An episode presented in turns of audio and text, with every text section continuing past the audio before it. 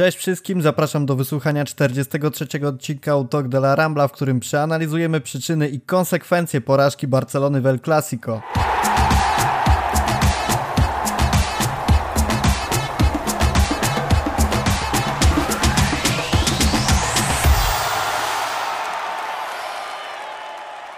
Słowem wstępu chcielibyśmy podziękować wszystkim tym, którzy byli obecni na live zorganizowanym przez FC Barsa.com. Tutaj szczególne ukłony dla dwójki prowadzących, Piotr Baleja i Julia Cicha. Odwaliliście naprawdę kawał dobrej roboty. Również ukłony w stronę całej realizacji na czele z e, Mateuszem i Magdą Rudnickimi.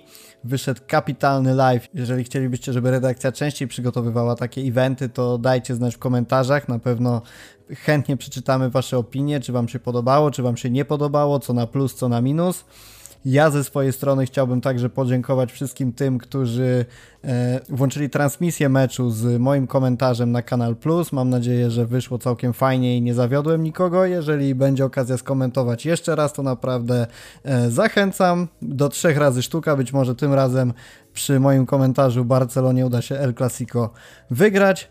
A Dlaczego, dlaczego Barcelona przegrała minione El Clasico? O tym sobie porozmawiamy dzisiaj. Są dzisiaj ze mną Błażej Gwozdowski. Cześć wszystkim. A także Piotr Baleja. Cześć.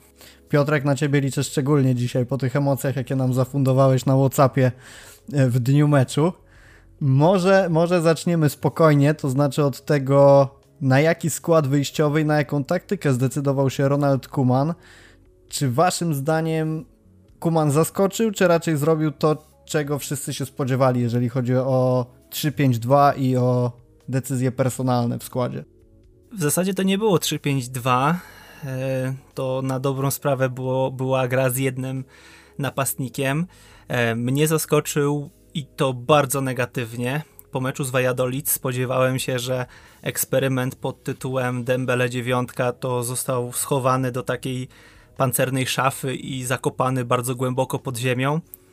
Po czym, gdy zobaczyłem, że ten eksperyment jest kontynuowany w klasyku, to pomyślałem sobie, mój Boże, jeszcze się mecz nie zaczął, a to już źle wygląda.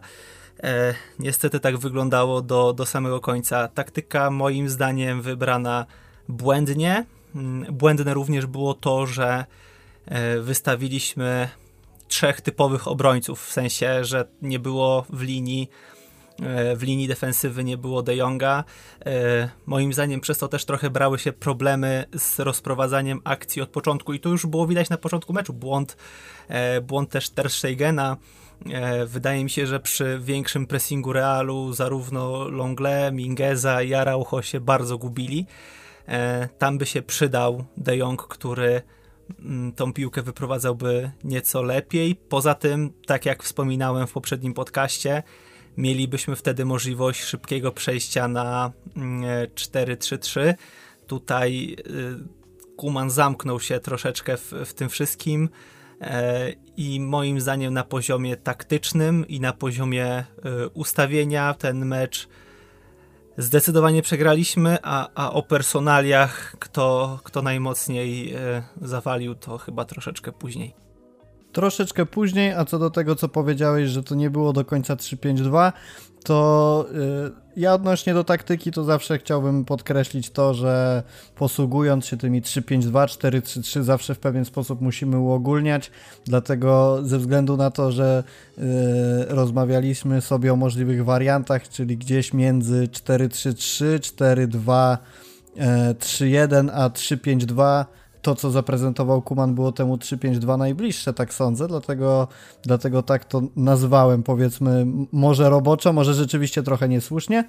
Natomiast y, głos leci do Błażeja. Czy zgadzasz się z Piotrkiem? Może ja nie będę aż tak bardzo krytyczny tutaj, bo decyzja Kumana o tym, żeby wystawić taki, a nie inny skład, dla mnie była całkiem logiczna. To wszystko wydawało się sensowne ale wystarczyło 10 minut meczu, żeby się przekonać, że Zidane go po prostu przechytrzył, czyli wyprzedził ten ruch, dokładnie przewidział, jak będzie chciał grać Ronald Koeman i zrobił dwie rzeczy, które moim zdaniem zadecydowały o porażce Barcelony. Pierwsza to jest cofnięcie całej linii defensywnej w zasadzie we własne pole karne. Jeżeli byście sobie teraz włączyli hitmapę Realu Madryt i włączyli z tej hitmapy tylko trzech zawodników: Viniciusa, Benzemę i Modricia. To okaże się, że całe to żółto-pomarańczowe pole znajduje się na, po, na poziomie 16 Realu Madryt, czyli Zidane wiedział, że Kuman nie ma wyjścia i będzie musiał wystawić Dembele w ataku, bądź też Messiego w ataku. Nie zdecyduje się na Bright White'a, więc zdecydował się cofnąć obronę, żeby nie zostawić miejsca dla szybkich zawodników w ogóle. I to był, to, to był ten ruch taktyczny, który zadecydował, że Dembele musiał grać tyłem do bramki, a tego nie potrafi w żadnym wypadku. To pierwsza decyzja Zidana, która była moim zdaniem znakomita i tutaj trzeba Francuza bardzo pochwalić. A druga to jest zagęszczenie środka pola, ale poprzez wystawienie szybkiego Valverde. O ile spodziewałem się tego, że jeżeli zagra Mingeza, to na niego zostanie wystawiony Vinicius i co by nie mówić o grze Mingezy, no to czterokrotnie dał się ograć e, Viniciusowi to bardzo łatwo, więc plan tutaj Zidana znów zadziałał.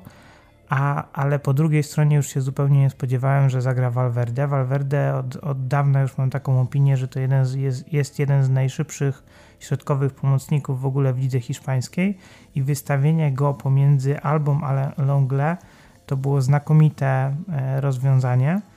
Już przy pierwszej akcji brankowej zdał egzamin, bo Alba nie wiedział jak się zachować, Longle nie wiedział jak się zachować, z tego wyszła w zasadzie cała ta akcja brankowa. Więc jeśli miałbym sprowadzać decyzje taktyczne, które zadecydowały o takim, a nie innym wyniku, tutaj szukać głównego powodu, dla którego Barcelona nie mogła sobie poradzić, to nie były decyzje Kumana jako takie, ale bardziej decyzje Zidana, które były dla mnie wręcz kuriozalne, bo w życiu bym się nie spodziewał, że Real w ten sposób zagra. Raczej spodziewałem się, że ta obrona będzie grała troszkę wyżej, że tego miejsca dla Dembele i dla wahadłowych będzie troszkę więcej. Owszem, gdzieś tam zakładałem, że w tym pomyśle Zidana będzie miejsce i dla Modricia, i dla Krosa, i być może jeszcze e, pojawi się ustawienie z trójką obrońców, czyli będziemy mieć takie zagęszczenie strefy na skrzydłach, ale w życiu się nie spodziewałem, że wystawi Valverde po to, żeby jeszcze bardziej utrudnić grę w środku Barcelonie, jednocześnie zachowując szybkiego zawodnika na desancie, który w każdej chwili może ruszyć do szybkiego ataku, więc Kumana bym tu bardzo nie winił, natomiast na pewno chylę czoła przed Zidanem i tym pomysłem na mecz, bo jeżeli oddajesz przeciwnikowi piłkę przez 60, blisko 9% czasu gry i kontrolujesz mecz, a tak się stało, to znaczy, że twój plan na, na spotkanie był znakomity. Co do Valverde, to ja również się nie spodziewałem tego, że wybiegnie w pierwszym składzie, tym bardziej biorąc pod uwagę w jak dobrej formie w ostatnich meczach był Marco Asensio, cztery mecze z y, bramkami, także wydawało się pewne, że ta taktyka Zidana będzie oparta w ofensywie o tercet Vinicius, Benzema i właśnie Asensio, także rzeczywiście ruch z Fede, Valverde, naprawdę mistrzostwo świata ze strony Zidana.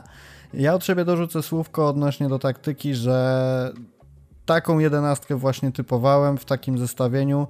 Niekoniecznie może z Dembele na dziewiątce, ale, ale personalnie na, na takie wybory czułem, że zdecyduje się Kuman.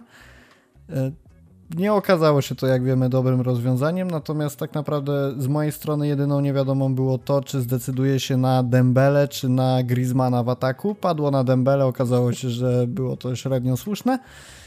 Mm, natomiast jest mi zdecydowanie bliżej opinii Błażeja, że jeżeli chodzi o wyjściowy skład, to Kuman zrobił dobrze. Natomiast co do tego, co ty Piotrek powiedziałeś, co do De Jonga. E, tak, można się zastanawiać nad tym, czy nie lepiej byłoby wypuścić De Jonga jako tego środkowego obrońcę.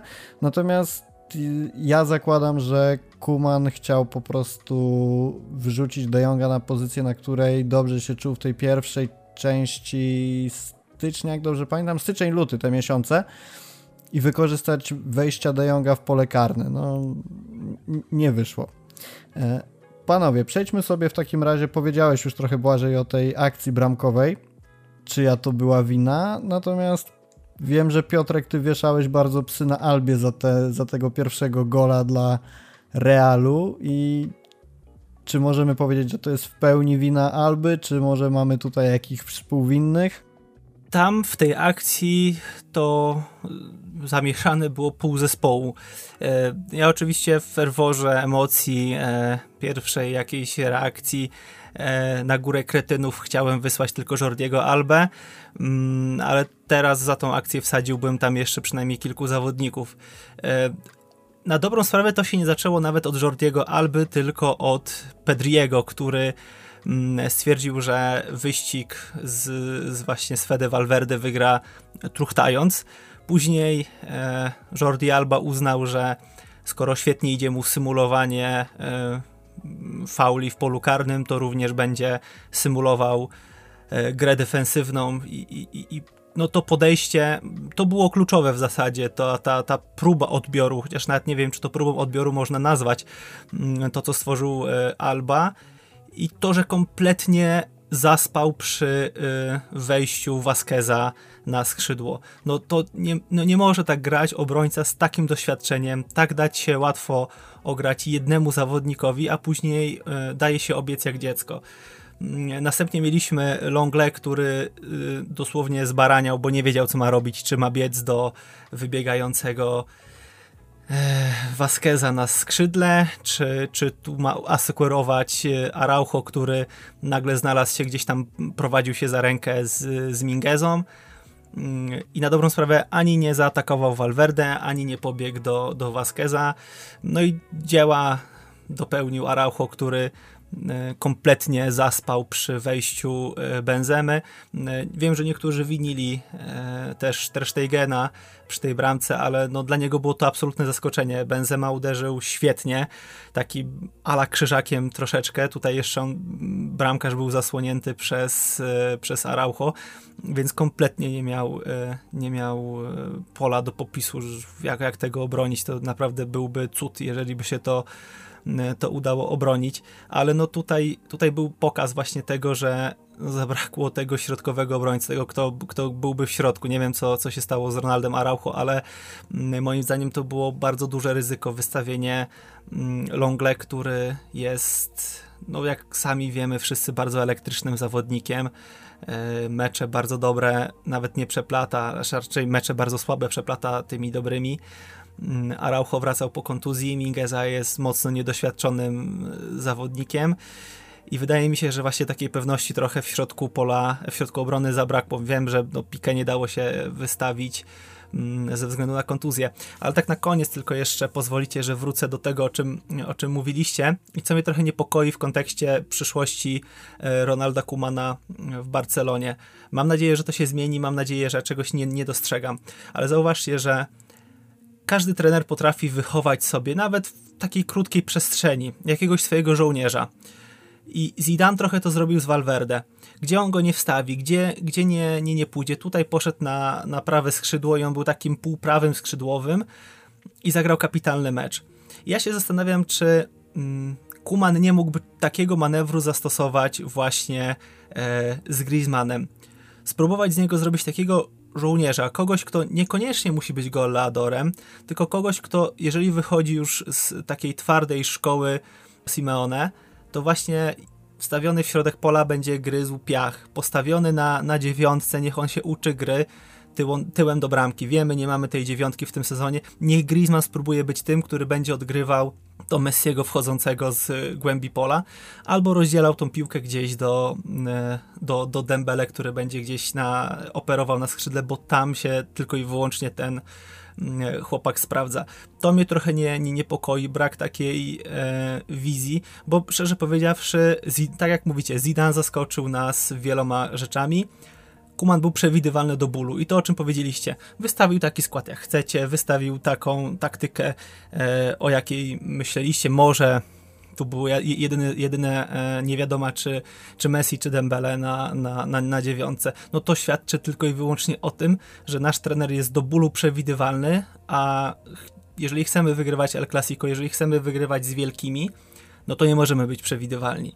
Ja wiem, że w tym momencie dysponujemy taką kadrą, a nie inną, ale no, jeżeli mam być szczery, w tym realu też kolorowo nie było e, w kontekście El Clasico, szczególnie w obronie i Zidane potrafił z tego wyjść, a u nas było miernie.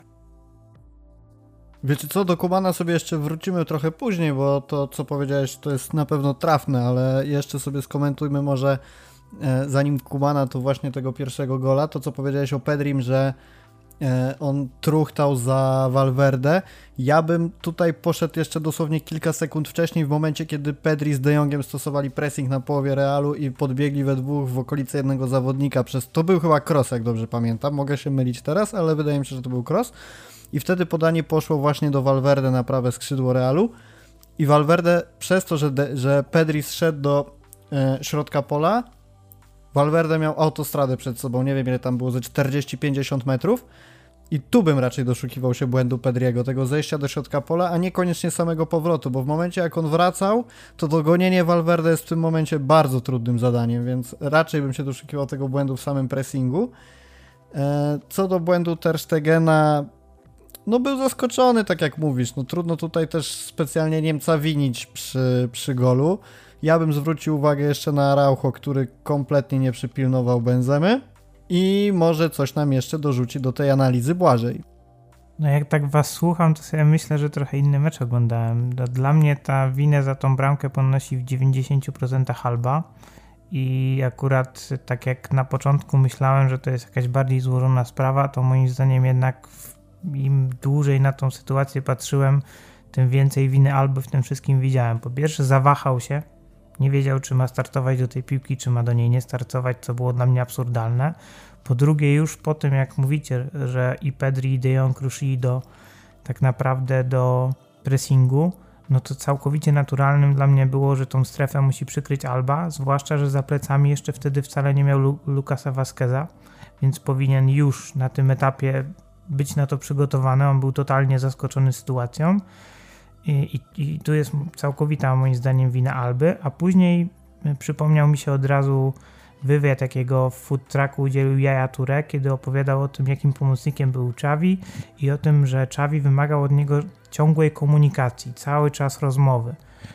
Podajesz piłkę, mówisz, słuchasz oddajesz piłkę, ja oddaję tobie piłkę, cały czas rozmawiamy, komunikujemy się, mówisz mi, kogo mam za plecami, jaka jest sytuacja, co chcesz zrobić, cały czas się komunikujemy. I tego moim zdaniem brakuje cały czas tej Barcelonie i moim zdaniem nawet czasem Kuman zwraca na to uwagę, zwłaszcza takim zawodnikom jak Dest, których gra, oni często wybiegają gdzieś za pleców pomocnika, oni muszą informować o tym, że biegną, tak? Krzyknąć na przykład, ja biegnę, ja ruszam, możesz podać w tym kierunku.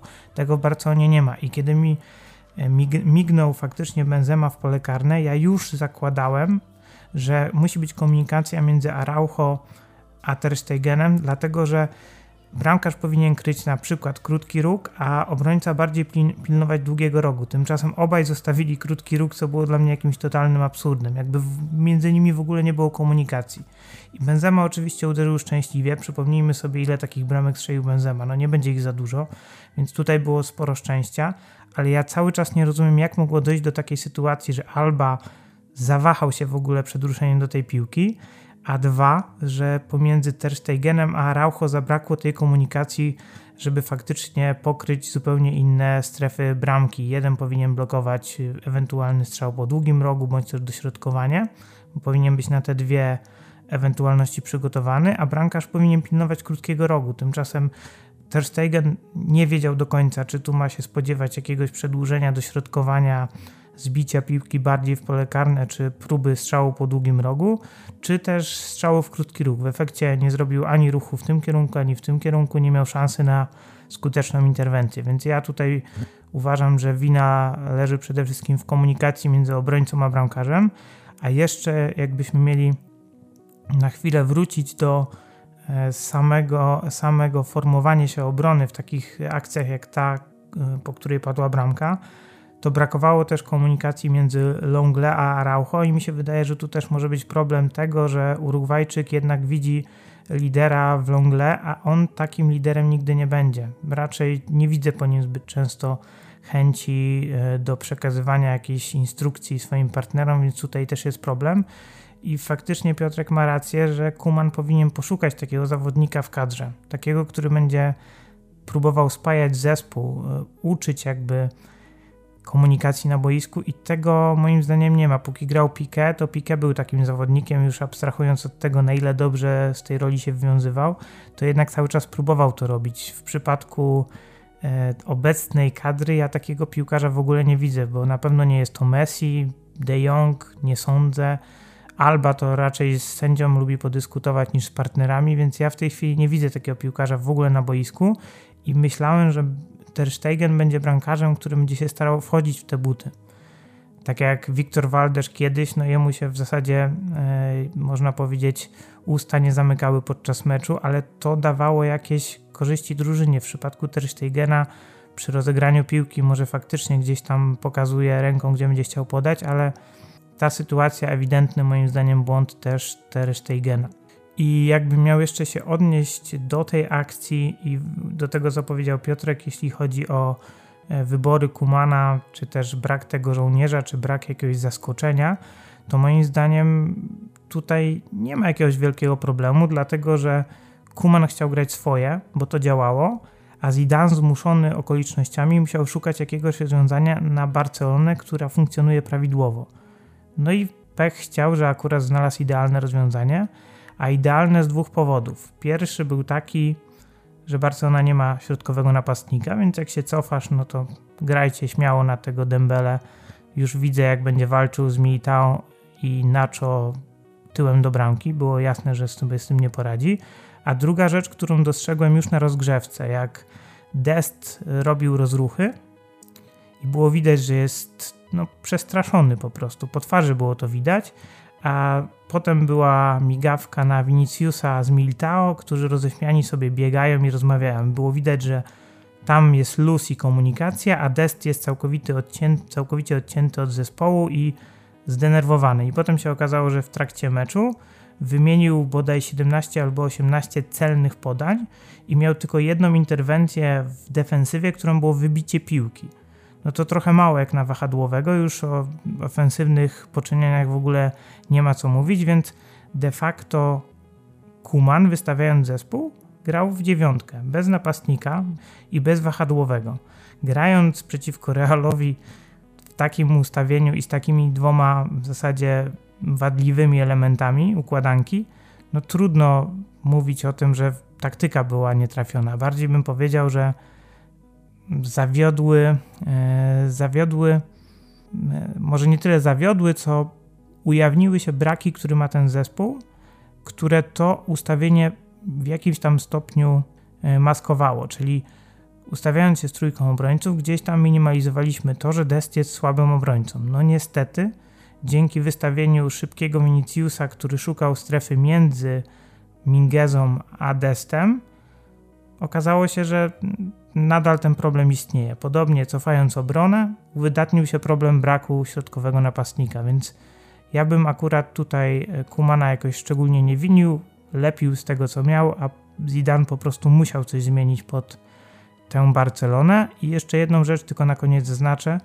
Przypominam, że ten gol, który padł po wielkim błędzie Alba, a potem po absurdalnym, moim zdaniem, zachowaniu Araujo i Ter Stegena, to była jedna z trzech okazji, jakie ten Real zdołał wykreować w pierwszej połowie.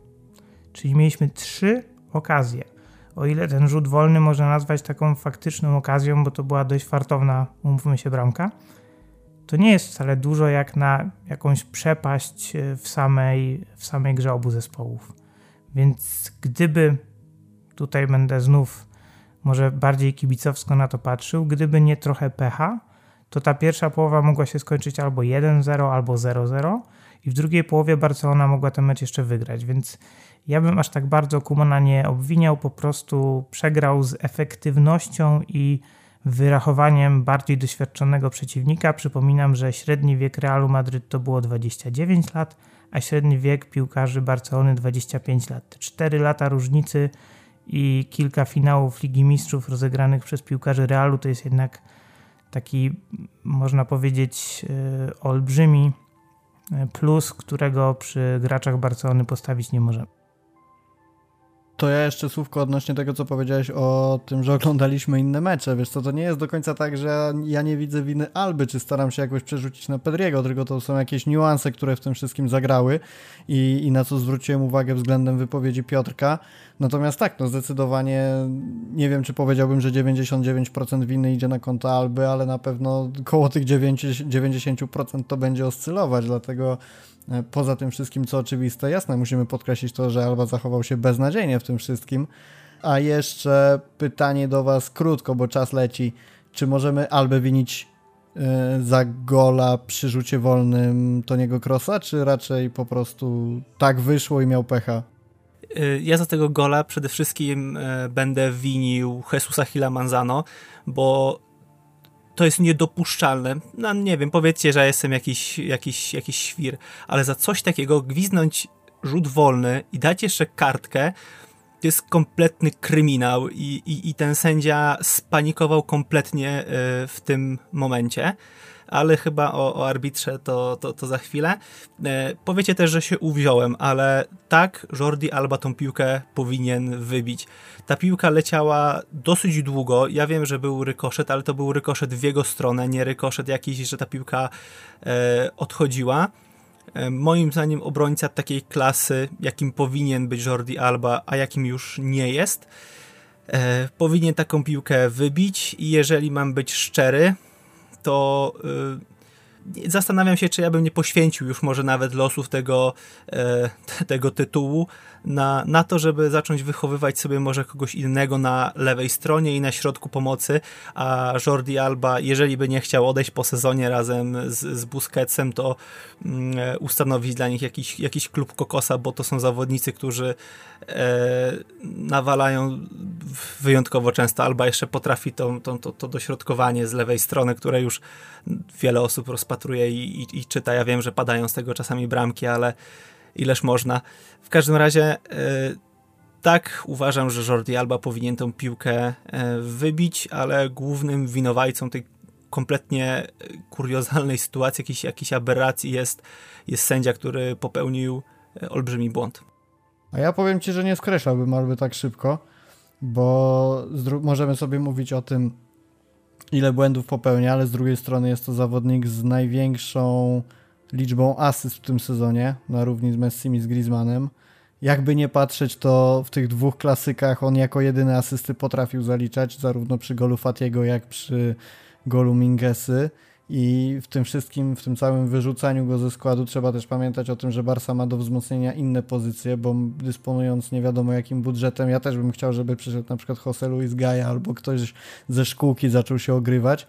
Tylko w tym całym, w tej realnej sytuacji, w jakiej się znajdujemy, zastanawiam się, czy nie skończy się po prostu tak, że Alba będzie i tak, i tak grać, bo z jednej strony generuje jakieś liczby, a z drugiej strony są pozycje moim zdaniem bardziej priorytetowe do obsadzenia. Tylko wiecie co, mamy już pół godziny podcastu, a jeszcze chciałbym pogadać z wami o innych rzeczach, dlatego zostawiamy to na razie. Może do tego jeszcze będziemy wracać. E, powiedzieliśmy sobie już krótko, krótko, żartowałem, jakie krótko. E, pogadaliśmy sobie o tym, co zawiniło. Mamy tutaj brak lidera w obronie, to o czym mówił Błażej, brak komunikacji. Gdzieś pewnie moglibyśmy pod to podpiąć pewną bierność w obronie.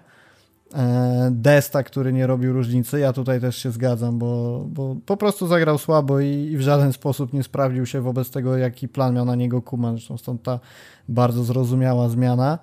Ja bym dorzucił jeszcze do tego niewidocznego Pedriego i De Jonga, którzy gdzieś, myślę, mimo wszystko rozczarowali, ale to, co ja chciałem podkreślić w tym, co zawiniło i to, z czym na pewno się zgodzicie, bo to też dało się wyczuć z waszych wypowiedzi, mniej lub bardziej dosłownie, że po prostu w Barcelonie nie ma kto strzelać bramek. Nie mamy klasowej dziewiątki, przychodzi sytuacja, kiedy trzeba wykorzystać jakąś, jakieś pół okazji, pokazać się w polu karnym, obrócić z piłką i po prostu nie ma komu tego zrobić. Messi schodzi gdzieś w okolice linii środkowej boiska, żeby rozgrywać, zostawiając Dembele w polu karnym, tak jak ty Błażeś powiedziałeś, w sytuacji, w której nie umie się po, po prostu odnaleźć grając tyłem do bramki. Zresztą też spójrzmy sobie na sytuację bodajże z 33 minuty, kiedy Dembele ma piłkę w polu karnym, taka lekko podbita, wydawać by się mogło, że idealna na woleja i zapytanie się tylko Tibo, w który róg chce dostać strzał, natomiast on po prostu w piłkę nie trafia i to nie jest pierwszy czy drugi raz, tylko kolejny raz. czy, czy chociażby jeszcze była taka sytuacja Griezmana, nie pamiętam, która to była minuta, wydaje mi się, że to już było w drugiej połowie, to coś koło 55 mi się kojarzy, trzeba byłoby to zweryfikować, kiedy piłkę zagrywał mu De Jong i wtedy Griezmann takim, nie wiem czy można to nazwać wślizgiem, takim dołożeniem stopy też przycelował bardzo ładnie obok słupka. Tam wydaje mi się, że tam wtedy był spalony, co prawda, ale no, też to pokazuje to, na jakim poziomie jest wykończenie w Barcelonie. I jeszcze jedna rzecz, o której chciałbym wspomnieć, jak już udało mi się na chwilę przebić, e, to jest to, o czym wspomniał Piotrek, czyli jak bardzo schematyczne zachowania ma Kuman, jeżeli chodzi o ustawianie składu, bo z jednej strony oczywiście ogranicza go w pewien sposób kadra, no ale słuchajcie, jeżeli sobie przeanalizujemy ten mecz, zobaczymy jaka jest sytuacja, jak to wszystko idzie i widzimy, że do rozgrzewki jest wysyłany Trincao i Bright White. Trincao, zawodnik, który przez 30 y, kolejek 22 razy wchodził na boisko jako zmiennik i Jaki był z tego pożytek tak naprawdę? Ile on miał kontaktów z piłką? 5, 3, 4, coś koło tego? Nie, nie wprowadza tak naprawdę żadnego elementu zaskoczenia. Już abstrahuję od tego, czy to jest dobry piłkarz, czy to jest zły piłkarz, perspektywiczny i tak dalej, i tak dalej. Tylko i to w połączeniu z tym, że wszedł Bright White. Ja się zastanawiam, czy nie lepszym rozwiązaniem byłoby na przykład wcześniejsze wprowadzenie Elisha Moriby Niech to będzie nawet 50 minuta, niech to będzie, nie wiem, początek drugiej połowy, ale niech ta drużyna dostanie jakiś impuls w postaci zawodnika, który chce, potrafi i ma ochotę grać, a, a nie po prostu powielanie tego samego schematu któryś raz i liczenie na jakieś inne efekty niż to miało miejsce w poprzednich 20 meczach. E, zastanawiałem się też, czy nie lepszym rozwiązaniem od wpuszczania Bright White'a nie byłoby wystawienie po prostu pika na pozycji numer 9. E, wiemy, że on może nie jest wielkim goleadorem, Bright White też nie, ale gdzieś jakby mu ta piłka, piłka spadła raz czy dwa na głowę po wrzutce, może by się okazało to lepszym rozwiązaniem. E, widzicie jakieś jeszcze rzeczy, które mogły zadecydować, które Kuman mógł zrobić inaczej? Może, może słówko komentarza na tak lub nie w stosunku do tego, co ja powiedziałem? Dla mnie to powiedziałeś, że De Jong i, i Pedri zagrali słabe zawody, a ja akurat Pedriego będę bronił, bo było wiele takich sytuacji, w których on bardzo dobrze sobie, sobie radził z piłką przy nodze, przechodził e, między pomocnikami Realu dość łatwo i szukał podania przed szesnastką, tylko tam faktycznie nie było miejsca, żeby zagrać do Dembele. Messi też nie wychodził e, zbyt dobrze na pozycję w tym meczu. Wahadeł nie było, więc o co tu winić pomocników? Tu mi się bardzo przypomina debata taka transferowa, gdzie szukano po odejściu Neymara właśnie skrzydłowych i jak była mowa na przykład o Mbappé i był dylemat czy Mbappé czy Dembele to jest lepsze rozwiązanie problemu odejścia Neymara, to większość mówiła, że jednak e, Dembele jest skrzydłowym, a Mbappé to jest bardziej napastnik. Ja, ja wtedy tak bardziej stawałem po stronie Mbappé, bo zwracałem uwagę na to, że w Barcelonie brakuje zawodników, którzy preferują grę e, przed linią piłki, a nie e, za linią piłki, a nie przed linią piłki. I tutaj było, była podobna sytuacja. Nie było zawodników, którzy potrafią wychodzić na pozycję. Nie było miejsca dla Dembele, on akurat w miarę sobie z tym radzi, ale nie było dla niego miejsca na tą grę, którą on lubi, więc nie było szans na to, żeby pomocnicy faktycznie dali coś od siebie więcej w ofensywie. Z kolei jeśli chodzi o defensywę w wykonaniu De Jonga i Pedriego, no to weźmy pod uwagę, że Real miał taki pomysł na grę w spotkaniu z Barceloną, żeby tych pomocników po prostu omijać. Więc tutaj też był kłopot, jakbyśmy sobie prześledzili z jakich sektorów piłki do przodu posyłał cross, to bardzo często z okolic szesnastki to były jakieś długie podania na rozrzucenie i w jaki sposób w takiej sytuacji miałby Pedri czy De Jong ustawieni bardzo wysoko zareagować. No, ja nie widzę tutaj takiej możliwości, więc znów się pojawił problem tego elementu zaskoczenia, który dało się rozwiązać w zasadzie tylko właśnie powracając do ustawienia 4-3-3 i gry e, w zupełnie inny sposób. Więc ja bym akurat Pedriego tutaj faktycznie bardziej starał się bronić niż, niż wieszać na nim psy za to spotkanie. Mi on się podobał, nawet mi mignęło, nie wiem czy to Gary Lineker po tym meczu, czy jakiś inny sympatyk Barcelony z Anglii napisał, że na Twitterze bodaj, że faktycznie Pedri w tym meczu pokazał, może nie dosłownie, ale w ten sposób e, napisał, ale że to będzie wielki zawodnik. No, po, po tym meczu ja też widziałem w Pedrim wielkiego zawodnika. Pomimo błędów, które popełniał, on pomiędzy Modriciem a Krosem sobie jakoś radził. W odróżnieniu od De Jonga, który faktycznie był mniej obecny, ale to też problem moim zdaniem tego, że nie jest przyzwyczajony do takiej gry.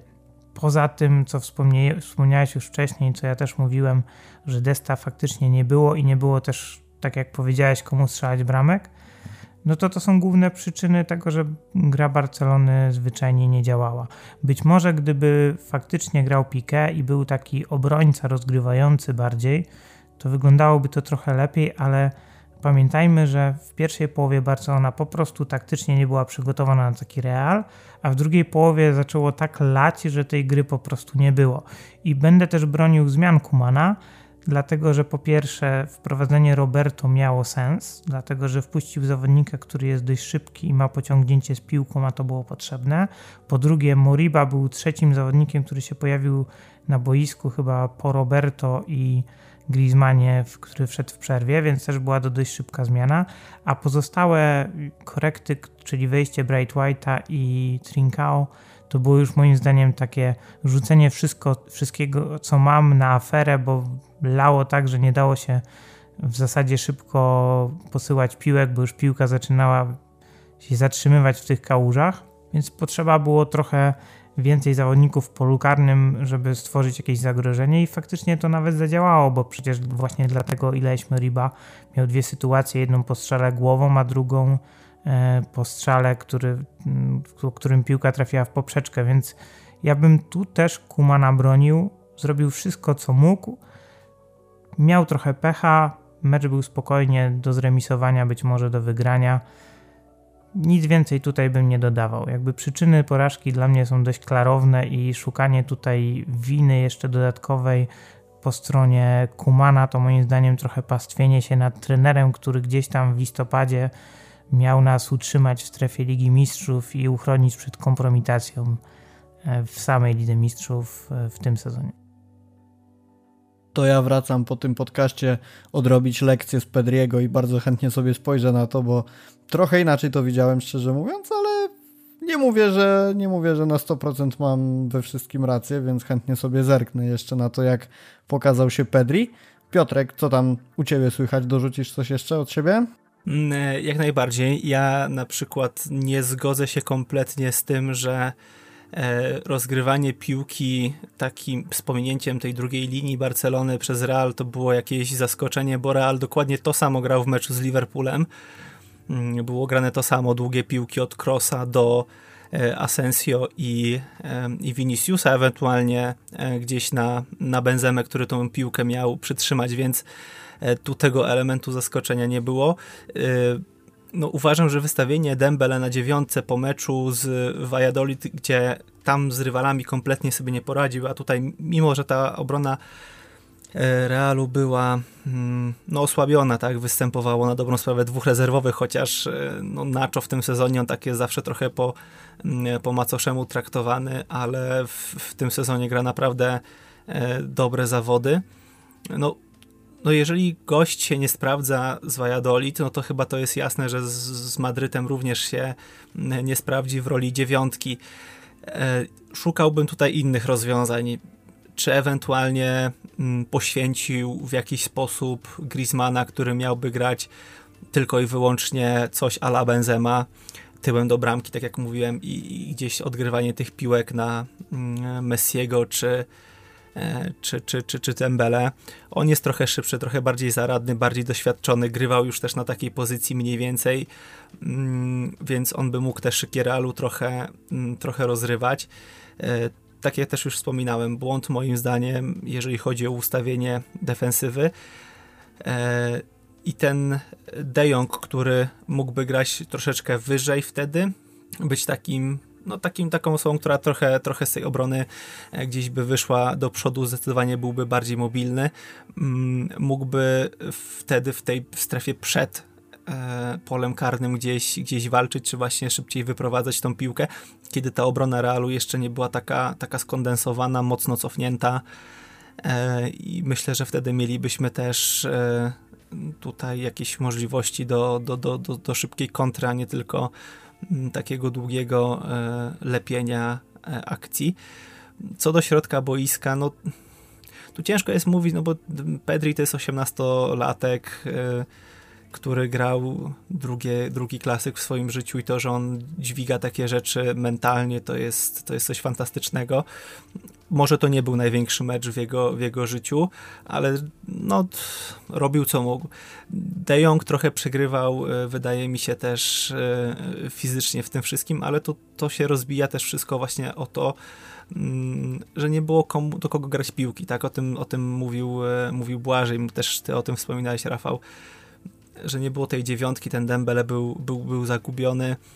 No mi się to nie podobało właśnie z, ze względu na, na tą taktykę i mm, ja rozumiem, że Kuman dysponuje kompletnie średnim składem i, i myślę, że siedmiu zawodników z wyjściowego składu to, to już nie powinno myśleć o, o, o grze w Barcelonie, ewentualnie jako rezerwowi.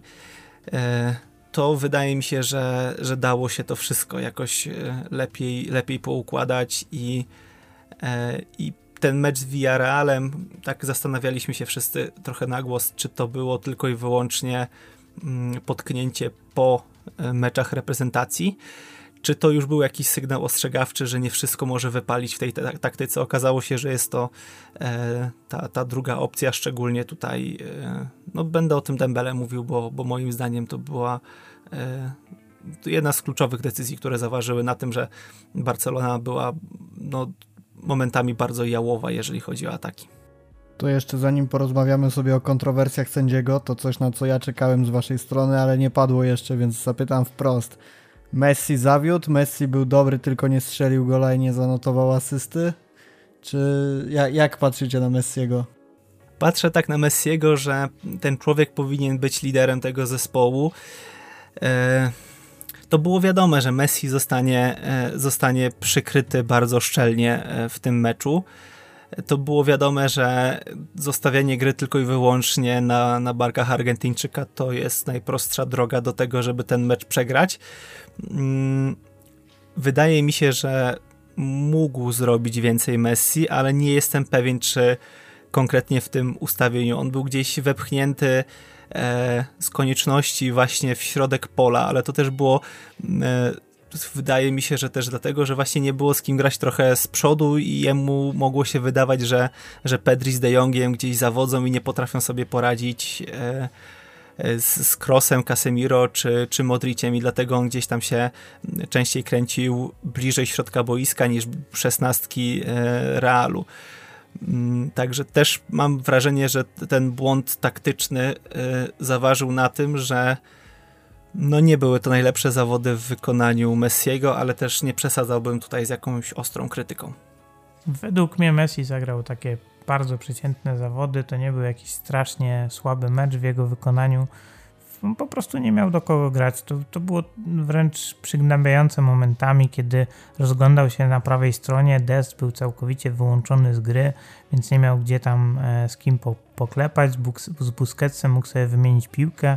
Z Pedrim również nawet miał dużą swobodę, bo jeżeli spojrzymy na dokładność podań, no to jeżeli Messi ma 90% skuteczności podań, no to to jest zdecydowanie powyżej jego średniej i to jest wyraźny sygnał, że jakichś okazji do ryzykownych podań na skrzydło czy prostopadłych to za wielu nie miał. Podobnie Pedri, Busquets czy De Jong, wszyscy w okolicach lub powyżej 90%. To tylko pokazuje, że tam nie było gdzie grać jakieś kluczowe podania. Było tak ciasno, obrona Realu była taka zwarta, że było potrzeba kogoś, kto tą obronę rozepcha. A z całym szacunkiem do Dembele to nie jest piłkarz, który może się z Militao poprzepychać czy nawet znaczo, więc tutaj był główny problem. Faktycznie e, tutaj z Piotkiem się zgodzę, że gdyby Kuman wystawił De Jonga w obronie, to on korekty taktycznej mógłby, wyko mógłby wykonać korektę taktyczną bez jakiejkolwiek zmiany. Wystarczyło pchnąć wtedy De Jonga bardziej do przodu i gramy 4-3-3. Dembele przechodzi na skrzydło, Messi przechodzi na środek ataku Oczywiście to jest taki napastnik, bym powiedział, e, bardziej fałszywa dziewiątka niż, niż rzeczywista dziewiątka, ale mamy dwóch napastników od razu po takiej drobnej korekcie, którzy mogą gdzieś tam wyżej faktycznie szukać gry. Oczywiście Pedri to nie jest taki typowy napastnik, więc można powiedzieć, że mielibyśmy takiego Pedriego z Las Palmas, gdzie on faktycznie tam starał się szukać gry bardziej na skrzydle, ale byłoby miejsce choćby do wymian dwójkowych na skrzydle między Albą i Pedrim. Byłaby troszkę inna gra, jeszcze wtedy warunki do, do rozgrywania piłki były całkiem e, w porządku, więc tutaj się zgadzam, że pewnie brak tej elastyczności Barcelony w pierwszej połowie bardzo bolał i, i ciężko się na to wszystko patrzyło. Ale tutaj bym akurat w Messi nie szukał przyczyny, przyczyny tego, jak ten mecz wyglądał. Jeszcze jak biorę też pod uwagę, że to jest bardzo specyficzny piłkarz i od lat mam problem z oceną jego postawy jako nie tylko jako kapitana, ale jako lidera zespołu, bo jeżeli komuś przeszkadza padający deszcz i trzęsie się z zimna, no to kurczę, no nie jest to naj, najszczęśliwsza postać do tego, żeby prowadzić drużynę do zwycięstwa w klasyku. No to, to jest jakiś problem moim zdaniem, że pewne by, się wydawało błahe powody mogą sprawić, że, że Messi nie pokazuje pełni swoich możliwości. To się gdzieś tam powtarzało w toku jego kariery i tutaj wyszło po raz kolejny, więc wydaje mi się, że Problemem Messiego i w tym meczu i w wielu innych było to, że wymaga, wymagaliśmy od niego i trenerzy od niego być może też wymagają więcej niż, e, niż faktycznie jest w stanie zaoferować. To, co Guardiola robił wcześniej, to szukał rozwiązań, w których Messi będzie się czuł komfortowo, a mam wrażenie, że od jakiegoś czasu to bardziej, e, bardziej zamiast szukać tych rozwiązań, no to pyta, pytają Messiego, co, co powinno jakie zmiany powinny być wprowadzone, żeby, żeby to wszystko wyglądało lepiej, a przecież nie Messi jest od tego, żeby to wszystko wymyślać, on jest od tego, żeby robić to, co umie robić najlepiej. To na pewno nie jest ciągnięcie drużyny, a raczej właśnie e, zagrywanie tych, tych najważniejszych piłek, a żeby zagrać te najważniejsze piłki, to trzeba być we właściwym miejscu, we właściwym czasie i mieć opcję do wyboru, a co by nie mówić, w sobotę to akurat Messi zbyt wielu opcji do wyboru nie miał. Zostało nam dosłownie kilka minut, więc powiedzmy sobie o tym, co e, szczególnie rozgrzało kibiców, a także podzieliło kibiców e, Barcelony, czyli decyzję Hila Manzano, tego legendarnego arbitra, który jako jedyny w historii pokazał czerwoną kartkę Messiemu. Taki zaszczyt, oczywiście nie w tym meczu, ale, ale to, co się rzuciło na pewno w oczy, przygotowując do tego podcastu czy do tego spotkania, to, to ten fakt. E, słuchajcie, moim zdaniem tych kontrowersji ze strony sędziego wcale nie było aż tak dużo.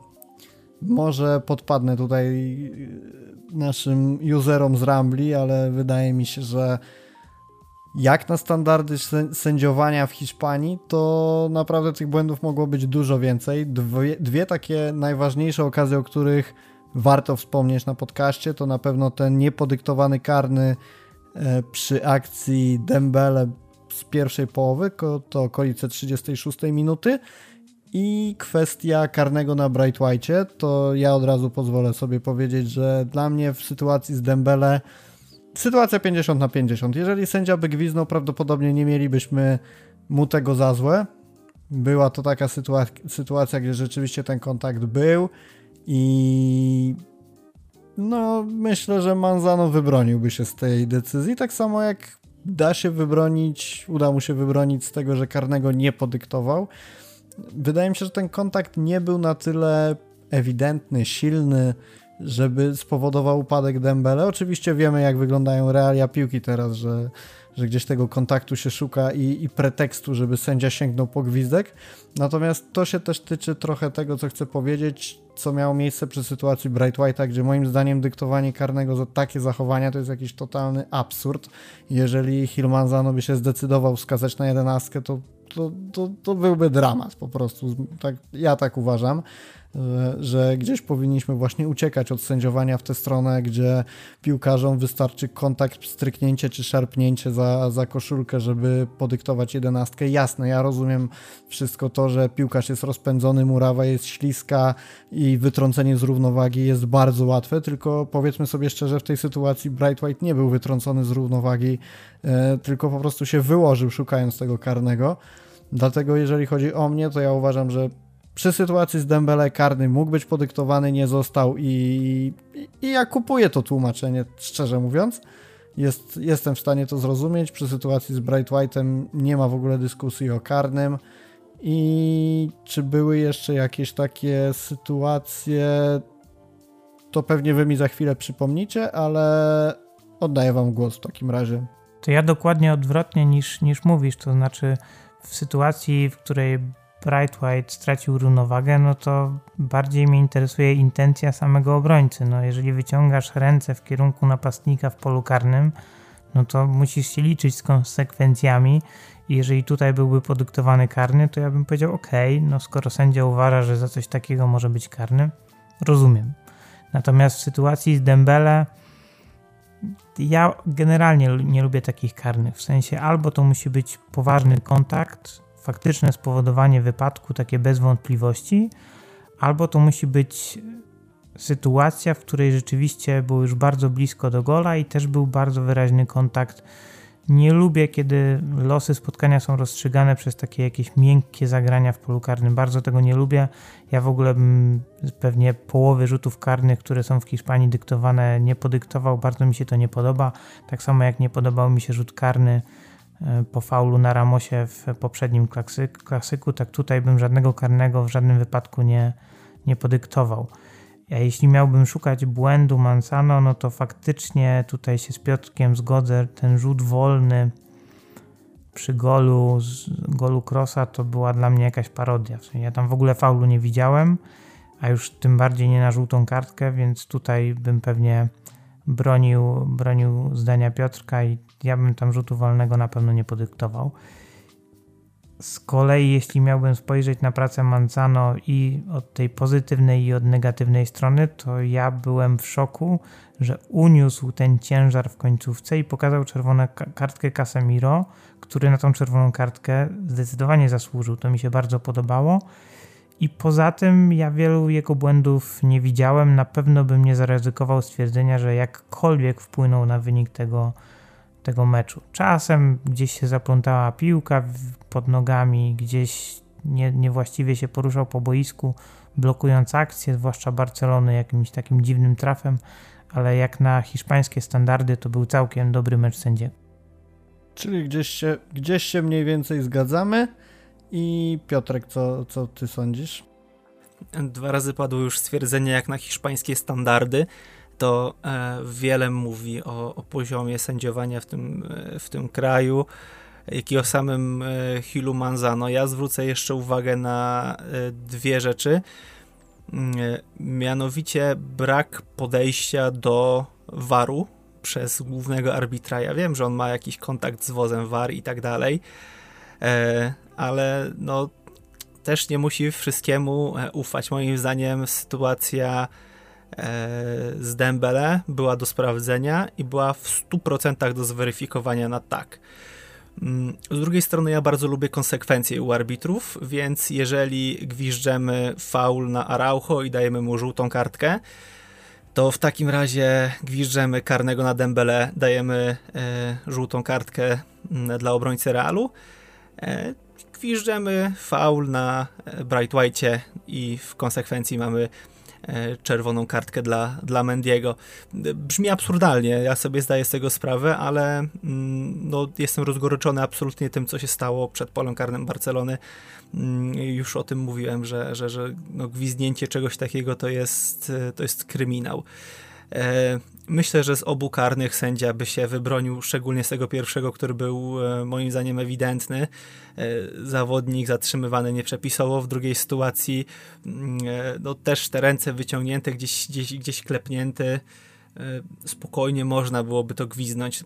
Problem też w ogóle, mm, ja wiem, że dzisiaj tak trochę ogólnie uciekam, ale to taka, taka tylko krótka dygresja problem ogólnie sędziowaniem jest taki, że te przepisy wszystkie są kompletnie niejednoznaczne mm, i one nie są do przestrzegania, tylko do interpretowania. I tutaj nam się pojawia wiele problemów, czy to z ręką, czy to z rzutem karnym, czy to z, z jakimikolwiek innymi zachowaniami na boisku, których coraz więcej sędzia musi interpretować, a nie egzekwować e, konkretne przepisy, więc e, niestety na takie sytuacje e, musimy być przygotowani.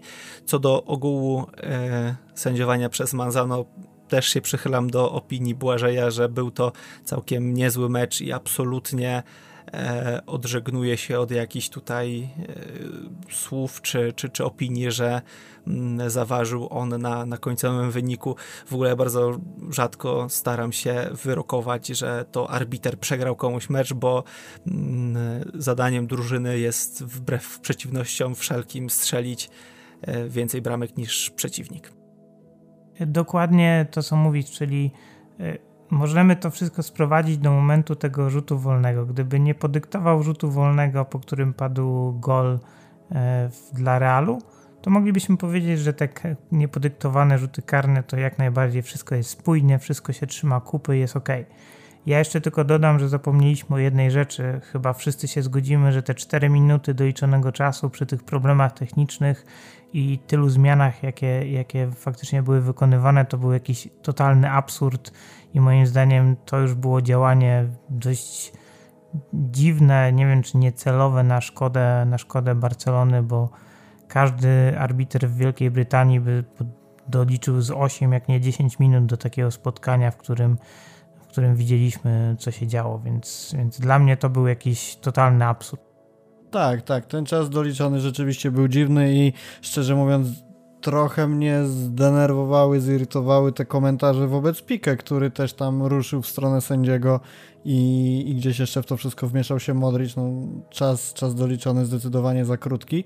Jeszcze słowo Piotrek dosłownie na koniec, bo czasu już coraz mniej. Za co byś podyktował karnego na Bright White? Bo według mnie dotknięcie yy, Bright White'a przez obrońcę Realu nie miało żadnego wpływu na wywrotkę Duńczyka. To było, dla mnie to było oczywiste, że, że on szuka tego karnego na zasadzie symulowania i ja od czegoś takiego chciałbym uciekać, że zawodnik czuje dotknięcie gdzieś w plecy, kładzie się i liczy na karnego. To jest coś, co mi się strasznie nie podoba w piłce. Tak jak powiedziałem, to by była konsekwencja e, jakaś logiczna mm, e, zachowania sędziego, bo podobna sytuacja miała e, miejsce przed polem karnym Barcelony, gdzie był podobno faul na Viniciusie, który wyglądał tak samo, tak? On gdzieś został smyrnięty, przewrócił się, ała, ała, o jak boli, o jak boli, żółta kartka. No to tutaj mamy bardzo podobną sytuację. Mendy gdzieś dotyka Bright White'a, o jak boli, o jak boli, dyktujemy karnego, dajemy żółtą kartkę. Tylko i wyłącznie w tym kontekście o tym mówię, bo e, między Bogiem a prawdą no, dyktowanie takich karnych to jest żałosne i w każdym e, tutaj przy każdym rzucie rożnym musielibyśmy dyktować karnego, tak, przy, przy jakiejś walce o, piłkę, e, czy, czy, czy lekkim pociągnięciu za, za koszulkę właśnie przy, przy jakimś dośrodkowaniu i tak dalej, no więc to jakby trochę obróciłem w jakiś pastisz, ale no o to mi chodzi, że jeżeli, jeżeli dyktujemy coś takiego dla, dla Realu, no to w drugą stronę powinno wyglądać to tak samo. Jeżeli traktujemy zespoły e, równo i po jakoś, jakoś w ogóle po aptekarsku kompletnie, no to bądźmy konsekwentni w swoim działaniu. Okej, okay, to już rozumiem twoje podejście w takim razie. Wszystko jasne. Słuchajcie, godzina na zegarze, wyjątkowo długi podcast, ale myślę, że było warto i myślę, że nasi słuchacze docenią, że fajnie przeanalizowaliśmy kilka kwestii. Myślę, że zostawiliśmy też furtkę do dyskusji, bo często się nie zgadzaliśmy ze sobą. Także super, o to chodzi. Nie, za, nie zawsze chodzi o to, żeby się całować tutaj po czułkach i zgadzać w każdej kwestii. Kończymy. Był dzisiaj ze mną Błażej Gwozdowski. Cześć, cześć. A także Piotr Baleja. Dzięki, cześć. Subskrypcja kanału, łapka w górę. Pamiętajcie, żeby szukać nas na fcbarsa.com, hashtag UTD La Rambla, Twitter La Rambla, YouTube, gdzie tylko chcecie, oznaczajcie nas, na pewno Was znajdziemy. Do usłyszenia w kolejnym odcinku. Na razie.